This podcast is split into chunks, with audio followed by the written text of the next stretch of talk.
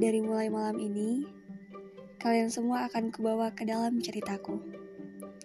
Atau bisa saja nanti kalianlah tokoh utamanya di sini. Empat tahun lalu, ada seorang gadis kecil yang bertanya tentang sesuatu. Sa, malam itu apa menurut kamu? Kenapa kamu tanya kayak gitu, Ra? Dari sanalah kisah Raksa dan Nara dimulai. Sebuah kisah yang tak pernah Nara bayangkan akan menjadi serumit sekarang. Sebuah kisah yang membuat Nara enggan membuka hatinya untuk siapa pun. Juga sebuah kisah yang mengubah Nara menjadi monster yang mengerikan. Nara, gadis kecil yang gampang sekali menangis. Nara bisa saja menangis hanya karena sebuah permen yang diambil oleh keponakannya. Sementara Raksa, Raksa adalah laki-laki ramah, dibalut dengan senyum yang menenangkan. Raksa juga adalah dunia bagi Nara. Ra, anterin Raksa ke Idan beli celana yuk. Ayo, ayo. Bentar-bentar. Nara siap-siap dulu ya. Dua manusia yang selalu menertawakan setiap hal itu melesat ke sebuah toko bernama Idan. Setelah perdebatan panjang antara Raksa dan Nara terkait celana seperti apa yang akan Raksa beli, atau warna apa yang akan Raksa pilih, Raksa pun selesai membeli celana dengan beberapa pertimbangan Nara. Ra, ini bagus nggak? Ra, mending ini apa ini ya? Ra, ini aja deh. Sa, mending ini deh. Sa, warnanya mending ini. Sa, iya deh, Ra. Begitulah Raksa. Pemilik kacamata bulat berframe tipis itu selalu saja rewel akan satu hal.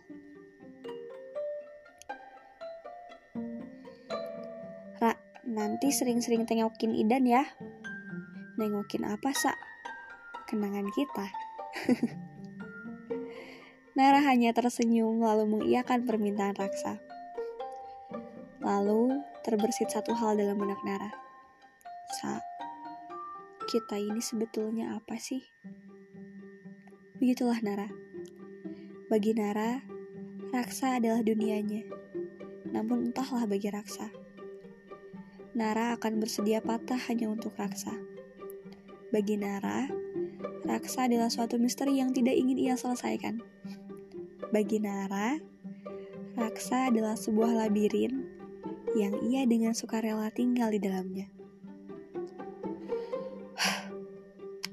Kisah-kisah selanjutnya tentang Raksa dan Nara akan kalian dengarkan di podcast Ruang Retak. Salam sayang.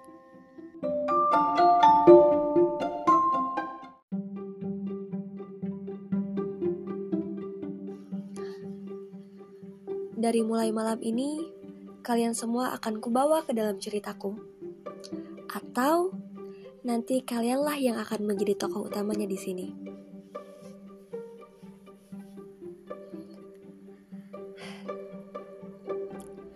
Nara hampir tidak ingat dengan cara seperti apa Raksa hadir ke dalam dunianya. Lalu, bagaimana bisa Raksa mengambil alih dunia Nara? Yang Nara ingat hanyalah Raksa hadir ketika seluruh dunia terlalu mengecewakan bagi Nara. Nara kehilangan rumah yang sedari kecil ia tinggali. Nara kehilangan cinta pertamanya, dan Nara kehilangan sosok bidadarinya. Setelah perceraian kedua orang tua Nara, Nara menjadi gadis yang sangat menutup diri dari sekitar.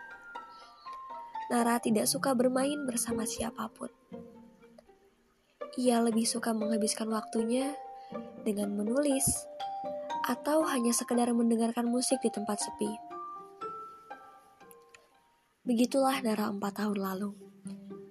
Sebelum Raksa mengubah semuanya. Empat tahun lalu. Raksa sengaja menghampiri anak perempuan yang termenung di bawah pohon sembari membaca buku. Kamu Nara. Anak perempuan itu hanya melihat sekilas ke arah Raksa, lalu melanjutkan kegiatan membaca bukunya. Raksa langsung duduk begitu saja tanpa ada persetujuan dari Nara.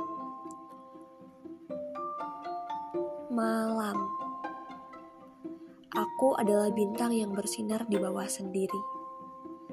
Dan selalu seperti ini. Menerangi jiwa yang rapuh, menghapus sunyi dengan bunyi-bunyi mimpi. Satu yang kupegang erat. Kuharap warna yang kuberikan terlukis indah pada diriku. Raksa. Nara mendengarkan dengan seksama apa yang rasa katakan. Lalu Nara berhasil membuat Raksa terkejut karena balasannya. Malam itu serupa kamu. Kadang indah bertabur bintang, namun tak jarang dihias gemuruh yang kelam. Kak, kamu bisa ngomong juga, Ra? Bisa, Nara bisa ngomong. Baiklah, karena kamu bisa ngomong, perkenalkan, aku Raksa Reza Nugraha, laki-laki yang akan membuat kamu tersenyum selalu. Aku Nara. Raksa sih udah tahu. Jika seandainya hari itu tidak pernah ada, mungkin saat ini Nara akan tetap menjadi Nara yang dulu. Takut dengan harapan, menutup diri dari dunia, juga tidak ingin pernah percaya pada apa pun. Dan jika tokoh utama dalam cerita ini bukan Raksa, maka Nara tidak ingin memulai kisah ini. Seiring berjalannya waktu, Nara menjadi gadis yang sangat ceria. Banyak berkata-kata, juga banyak bercerita. Mimpi-mimpi Raksada Nara semakin tidak masuk akal. Nara yang ingin mempunyai kekuatan mengendalikan air. Raksa yang ingin menjadi nahkoda padahal tidak tahu cara mengendarai kapal. Atau mimpi-mimpi Raksada Nara yang ingin berlayar bersama. Nara menjadi gadis dengan isi kepala super ajaib dan Raksa tetaplah laki-laki yang memiliki dunia Nara. Raksa. Apa? Ih, kok kayak gitu sih, Sa? Ya udah, apa? Kayaknya aku mau bikin kecamatan baru deh. Kecamatan. Iya, kecamatan, Sa. Maksudnya gimana? Raksa nggak ngerti. Jadi, gini. Nara mau bikin kecamatan, tapi rakyatnya cuma satu. Raksa doang. Terus, Nara deh yang jadi ibu camatnya. Kok rakyatnya cuma satu? Iya emang cuma satu, Sa. Nara nggak mau punya rakyat lagi. Nara bakalan jagain rakyat Nara. Begitulah Nara. Isi kepalanya memang selalu ada-ada saja. Raksa menjadikannya percaya bahwa semua hal bisa digapai oleh Nara.